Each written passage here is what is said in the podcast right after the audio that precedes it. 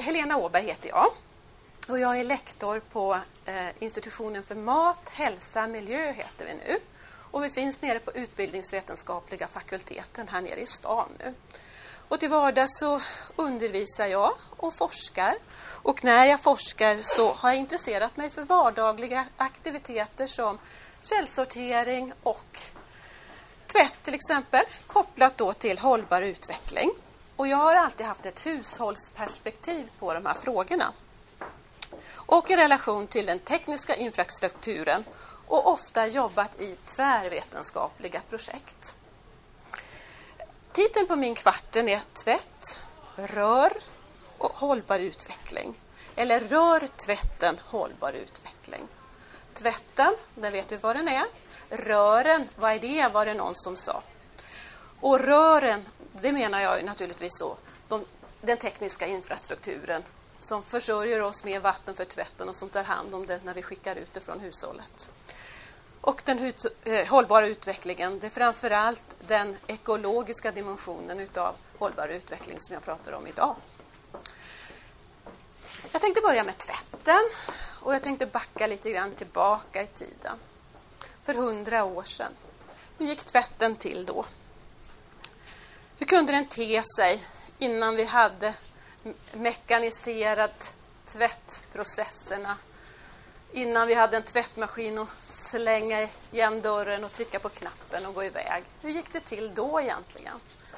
Och för att illustrera det så har jag lånat ett utdrag från en avhandling som Jan-Erik Hagberg har gjort och som heter Tekniken i kvinnornas händer. Och det här handlar om ett medelklasshushåll och tiden är 1910-tal. Och det handlar alltså då om veckotvätten. Och hit räknades inte mangeltvätten, för den skickade man bort. Och det handlade inte om kulartvätten och inte om strumptvätten, för den tvättades för sig. Och de här momenten kan jag utläsa ingick i arbetet. Först så la man veckotvätten i blöt två dagar i förväg i kokluten från den föregående tvätten. Nästa dag så kokades asklut. 68 liter vanlig spisaska i en tygpåse fick koka upp i bykpannan med 20 till 30 liter vatten. Dagen därpå, då skedde tvätten. Och det fick ske när barnen hade lagt sig, för det var inte så lämpligt att kombinera kunde man förstå. Rent vatten, det tappades upp i pannan och lagom till tvättningen av kläderna som drogs upp ur blötläggningsslutet medan vattnet värmdes. Så fylldes eh, på med rent vatten och lite av luten några gånger och så tvättades kläderna en gång med borste och grönsåpa, skriver hon, husmor här. Och så säger hon att i vanliga fall så har hon med uppemot hundra plagg på ett par timmar. Ja, när tvätten så var ren så blädde hon ut dem i pannan som eldades då med ved som hon också hade förberett för den här tvätten. Och sen ytterligare nästa dag, då drog hon upp kläderna ur pannan, lät dem rinna av och la dem i sköljbassängen. Och där fick de ligga medan hon diskade och städade. Och sen på eftermiddagen, då vred hon tvätten i en balja med rent vatten. Och så hängde hon upp den på tork före hon gick och lagade middag. Och sen när hon var klar med middagen och de sysslorna som följde med middagen, då kunde hon lyfta ner tvätten från tork. Och då var den delen av tvättandet klart. Och så återstod det att sköta in den här tvätten med vad som skulle göras då med, av strykning och mangling och vikning och sånt. Så att det här var ett komplicerat, tidsödande arbete som var fysiskt krävande. Det är ju ganska lätt att förstå av den här nedteckningen som fanns i den här boken utav den här processen. Och det går nästan inte för oss idag att föreställa sig hur det här arbetet var. Men det krävdes mycket kunskap, det kan man ju förstå, för att sköta hela den här processen som handlar om att kanske hämta vattnet och så hela tvätten igenom. Det är lätt att inse att mycket har hänt på de här hundra åren. Idag så har vi ju helautomatiska maskiner de flesta utav oss. och har vi dem inte själva i vår egen lägenhet så kanske vi bor i ett hus där man har en gemensam tvättstuga där de här maskinerna finns. Och det finns det sofistikerade program som gör att jag kan lägga in min allra finaste tröja, ylletröja, i tvättmaskinen och jag behöver inte alls vara rädd för att den ska förstöras när jag tvättar den. Det finns lättskötta material. Det finns tvättmedel som är anpassade för de här olika materialen. Så på många sätt har det här blivit otroligt mycket lättare. Torkningen kan vi sköta med torktumlare. Men samtidigt som det har blivit så här förenklat med teknikens hjälp. Om man tittar i statistik över vår tidsanvändning så ser vi att alla, allt hushållsarbete har minskat otroligt mycket i tid. Men på något besynnerligt sätt så lägger vi fortfarande, alltså proportionellt sett, väldigt mycket tid på tvätt. Det tycker jag är, väldigt intressant att fundera på. Varför är det på det viset? Och vi tittar i SCBs statistik från 2000, 2000 eh, 2001 så ser vi att kvinnor och män i åldersgruppen 20 till 84 år de ägnade tillsammans i genomsnitt 22 minuter om dagen eller 2 timmar och 34 minuter i veckan åt sysslor som hade med tvätt och strykning att göra. Och det är ganska mycket om ni tänker på vad vi gör av annat hushållsarbete. Och den här tendensen den är samma i andra västländer. Det finns en brittisk forskare som heter Elisabeth Shaw. Hon visar siffror på att i England så går hushållens tvättmaskiner 297 gånger på ett år. Nej, två, vi har 274 gånger per år. Och i USA så är motsvarande siffra 394 gånger. Alltså, vi tvättar, och det är genomsnitt, vi tvättar alltså mer än en maskin om dagen. Vad är det vi gör? ja, och hur det här moderna tvättandet upplevs det berättar kvinnor som en forskare som heter Mia Björk har intervjuat i sin avhandling Hemarbetets modernitet. Och de berättar om hur den här tekniken som skulle ge frihet faktiskt har bidragit till nya krav. Att teknisk utveckling och spridning av teknik är positivt det är någonting som vi ofta underförstår. Men är det alltid så? Och som att vi tycker att det ska, alltid skulle vara en fördel att tvätta en egen tvättmaskin jämfört med att tvätta en tvättstuga som delas av flera. Och det är inte självklart att det är på det viset. Och Björkon berättar om kvinnor som tvättar jämt och som ändå har dåligt samvete för att tvätten inte blir färdig. Och det är ett Sisyfosarbete. Och det, alltså jag har lånat ett citat ifrån Björk som berättar om det här problemet från en informantsperspektiv. Och hon säger så här. Det är jag som sköter tvätten. Det har det alltid varit. Och det flyter på rätt bra. Men ibland så gör det inte det. Det blir hysteriskt. Hela källan full med skitig tvätt och hela lägenheten full med tvättkorgar med ren tvätt som inte är inne i garderoben, som ligger i högar överallt och om man någon gång har lyckats få rent i tvättstugan så är det förgängligt.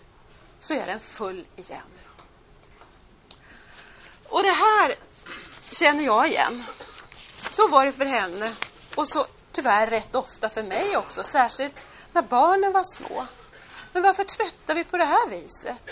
Det som skulle skötas enkelt och rationellt med teknikens hjälp var det ju tänkt. Hur kunde det vara, bli en så stor del av det som vi sköter i vardagen? Och det finns ju naturligtvis inget enkelt svar på. Det finns många svar och de är liksom sammanflätade med hur vi organiserar vår vardag och hur vi har delat upp arbetet i samhället. På vägen hit så går man förbi många av de stora kedjorna med kläder. Lindex, eh, H&M och så vidare. Alltså tillgången på billiga textilier är naturligtvis en del av förklaringen, att vi köper så otroligt mycket. Och sen också utvecklingen av de här maskinerna och tvättmedlen. De har gjort arbetet lättare, men kanske har de också hjälpt till att höja kraven. Så är det fråga om kunskap och vanor också. Tidigare så kanske vi vädrade kläder. Vi kanske tog bort en fläck på ett plagg Medan man idag slänger in det i tvättmaskinen istället så får tvättmaskinen göra jobbet. Eller som i tonåringsrum där kläderna ligger kanske slängda efter att de har använt kanske tre olika uppsättningar under en dag. De ligger på sängen och på golvet och i stolen och överallt. Och var ska de hamna någonstans om man har haft dem en halv dag? Är de tillräckligt rena för att hänga tillbaka igen? Och det där måste, det kräver ju ett, ett, att vi fattar ett beslut och att vi har den kunskapen. Men istället så blir det nog ofta så att vi slänger den i tvättmaskinen och så tvättar vi. Och så tvättar vi. Och också, inte minst viktigt, det yttre är ju viktigt. Hur vi presenterar oss genom hur vi klär oss. Och det säger någonting om mig och mina kläder. Men om det är jag, och det är ju ofta kvinnorna som är ansvariga, visar också statistiken och litteraturen att det är kvinnorna som fortfarande är ansvariga för tvätten. Så visar jag ju upp någonting om hur jag sköter, alltså inte bara mina egna kläder utan min familjs kläder också. Så det är ju viktigt naturligtvis. Och det räcker inte längre att säga att vi tvättar för att det ska vara rent, för att göra rent. Och det är också så att det är osäkert vad som är rent. Vet vi vad som är rent idag egentligen? Vad som är tillräckligt rent? Och det finns en norsk forskare, Ingun Klepp, hon har sagt att vi definierar inte det längre. Förut fanns den kunskapen att avgöra när ett plagg var smutsigt och behövde tvättas. Men nu så tenderar vi att överlåta det här avgörandet till maskinen. Så att vi börjar definiera det som är rent, det är det som kommer ur maskinen. Då har det blivit rent. Så vi kan konstatera att tvätt är inte trivialt. Det är många som säger det, men jag tycker att tvätt är spännande. Tvätt är komplext. Tvätt kräver kunskap på många olika nivåer. Och tvätt är starkt kopplat till genus och jämställdhet. Och om vi vill förstå hushållets tvättvanor och hur de har utvecklats så kan vi inte bara betrakta tvätt som ett, från ett instrumentellt, rationellt perspektiv. Och för att illustrera vad jag menar här så har jag igen fastnat för ett citat från den här avhandlingen som jag pratade om utav Mia Björk. Och det här citatet det visar hur tvättandet kan ges ny mening i ett förändrat samhälle. Och då citerar hon en kvinna som säger så här. Att sortera tvätt har en symbolisk betydelse. För det rengör samtidigt tankarna. Man sorterar i sitt huvud. Och jag har upptäckt att det är det jag gör. Jag får så mycket bra tankar. Jag hinner gå igenom jättemycket, både det som har med jobbet och annat att göra. Så det med tvätt har nog en viktig funktion i mitt liv på ett annat sätt också. Jag strukturerar tillvaron på något sätt. Och Det här är sånt som jag har hört av kvinnor som jag har intervjuat också om det här med, med tvätten. Ja, tvättstugan, det är mitt rum där man drar sig tillbaka och man reflekterar och man ser ett påtagligt resultat. Så det handlar inte bara om rent, rationellt, effektivt. Och så var det det där med rören i titeln, ni vet. Tvätten kan beskrivas som ett sociotekniskt system. Och I det här systemet så ingår tvättmaskiner, tvättmedel och det som ska tvättas men också infrastrukturen som gör det här tvättandet möjligt. Vatten, avlopp och elektricitet. Och vi som tvättar, vi kvinnor och några män. Och rören är en del av den tekniska infrastrukturen som gör det här ohållbara, vill jag säga, tvättandet möjligt. Via rören så får vi tillgång till det rena vattnet och blir, blir enkelt av med det smutsiga. Och Det här är ju någonting som vi har vant oss vid att det bara fungerar. Om jag går ner i min tvättstuga så ser jag inte vattnet som kommer in i maskinen. Det bara kommer där och det är pålitligt. Det finns där alltid och, och det rinner ut och jag ser det inte. Och jag jämför med den här kvinnan som tvättade för hundra år sedan som kanske var tvungen att gå ut och hämta vattnet och som kunde se konsekvenserna utav sitt tvättande. Men idag så har vi delat upp vi har blivit distanserade från den här resursen och vi har delat upp tvätten kan vi säga. Vissa saker sköter vi och vissa saker sköter, sköter vi kommunens tekniska avdelningar för att det här tvättandet ska vara möjligt. Och då kommer vi över till frågor om tvättandets eventuella relation till hållbar utveckling. Hållbar utveckling kan ju beskrivas utifrån tre dimensioner. Och sett från ett hushållsperspektiv så kan man ju fundera över hur, hur socialt och ekonomiskt hållbart vårt tvättande är. Men jag tänkte röra vid hur ekologiskt hållbart det är. Och då vill jag börja med ett exempel. Det var så här att eh, förra året så anmälde, då kunde man läsa i tidningen att föreningen Svenskt Vatten hade anmält eh, tvättmaskinstillverkaren Samsung till konsumentombudsmannen. För, eh, och då var bakgrunden att eh, den här tvättmedelstillverkaren, tvättmaskinstillverkaren hade lanserat en ny tvättmaskin med ett nytt system som kallades för Silverwash. Och på hemsidan så marknadsförde man den nya tvättmaskinen genom att vädja till den osäkerhet som finns hos konsumenter kan man säga. Och då kunde man läsa så här på hemsidan stod det. Redan de gamla grekerna svor över solkiga tågor som behövde läggas i blöt varje kväll. Sedan dess har mycket hänt. Tågan är sedan länge omodern och det är inte längre så krångligt att få kläderna rena. Men sanningen är den att kläderna, de må se rena ut idag. Men ofta finns bakterier kvar i kläderna och i maskinen. Och efter ett tag så kan de föröka sig och gro. Vilket kan medföra att både tvättmaskinen och kläder luktar illa. Vi har tagit fram ett helt nytt sätt att tvätta. En ny patenterad lösning baserad på silver. Vi kallar det Silverwash. Ungefär samtidigt så kunde man läsa i Råd och Rön en tvättvaneundersökning där man hade frågat 850 eh, personer som svarade på frågor om hur de, hur, de tyckte, hur de tvättade och hur de tyckte att det fungerade. Och då kunde man se att bara 6% var helt nöjda med resultaten. Och ett problem var att man tyckte att tvätten den luktade unket och att svettlukt fanns kvar. Det här är ju naturligtvis då med tanke på det vi har pratat om, hur viktigt det här tvätten är för vi presenterar oss naturligtvis ett jättestort problem. Och om inte kunskapen finns så kanske det här med silverwash då skulle kunna tänkas vara lösningen om man inte vet bättre. Marknaden erbjuder lösningar. Silver, är ett, silver i tvättmaskinen är ett exempel och antibakteriella substanser i tvättmedel och kläder ett annat. Och det här är ämnen som vi inte bör sprida i naturen och som inte enkelt kan ta hand om, tas om hand i reningsverken. Eller hur, Peter? ja. Och då vill jag koppla tillbaka till förståelsen av tvätt som ett sociotekniskt system. Eller som den här brittiska forskaren som jag har refererat till tidigare, Elisabeth Shaw, säger. System av system.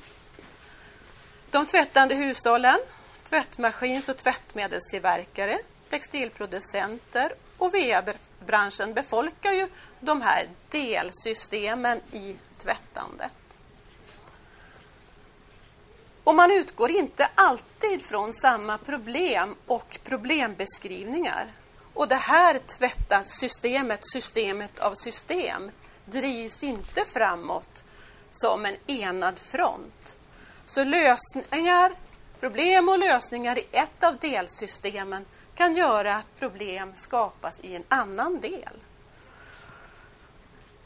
Och som i fallet med silver i tvättmaskinen leder till oönskade miljökonsekvenser. Och VA-branschens talesman han poängterade betydelsen av hushållens val i sammanhanget.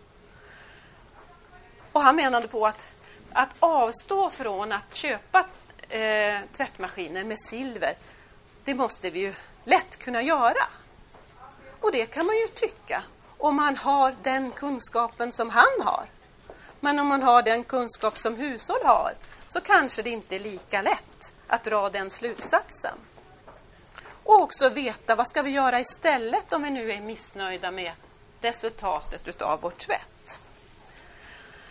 Eh, så jag menar att det finns alltså kunskap knuten till de här olika delarna av systemen. Och tyvärr idag har det blivit så att flödet av kunskap mellan de här olika delarna inte fungerar tillräckligt bra för att vi så lätt ska kunna uppnå det här målet om en ekologiskt hållbar utveckling. Så vi måste bygga bryggor däremellan. Och då till sist så vill jag avsluta med att tala lite grann om vad jag sysslar med nu. Och då ingår jag i ett projekt som heter Kommunikation och lärande för hållbara VA-system. Det är jag och det är tre andra kvinnor. Och det här är ett tvärvetenskapligt projekt som finansieras utav Formas. Och förutom mig då som är hushållsvetare så ingår det i projektgruppen tekniker och genusvetare. Och vi har också en kemist. Och vad vi gör, vi gör fallstudier i två kommuner. Och där använder man sig av två olika sätt för att arbeta för mer hållbara VA-system. Och då studerar vi två av de här tvättandets delsystem. Vi studerar hushållen och vi studerar de professionella inom VA-sektorn. Hur ser man på sin egen roll? Hur ser hushållen på sin roll i systemen? Och hur ser de professionella på sin roll? Och hur ser man på varandras roller? Och hur tror jag som hushåll att VA-specialisterna tror, ser på mig i det här systemet? Och de här kommunerna har man valt två olika strategier för att åstadkomma hållbara VA-system.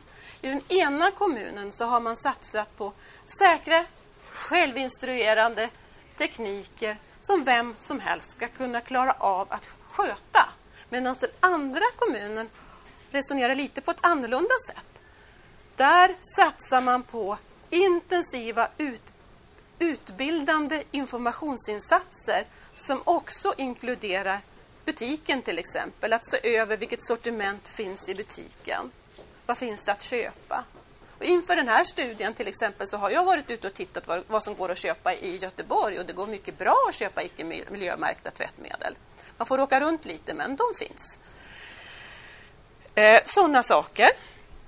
Och så gör vi då analyser baserat på fokusgruppsintervjuer som vi gör å ena sidan med hushåll och med de professionella.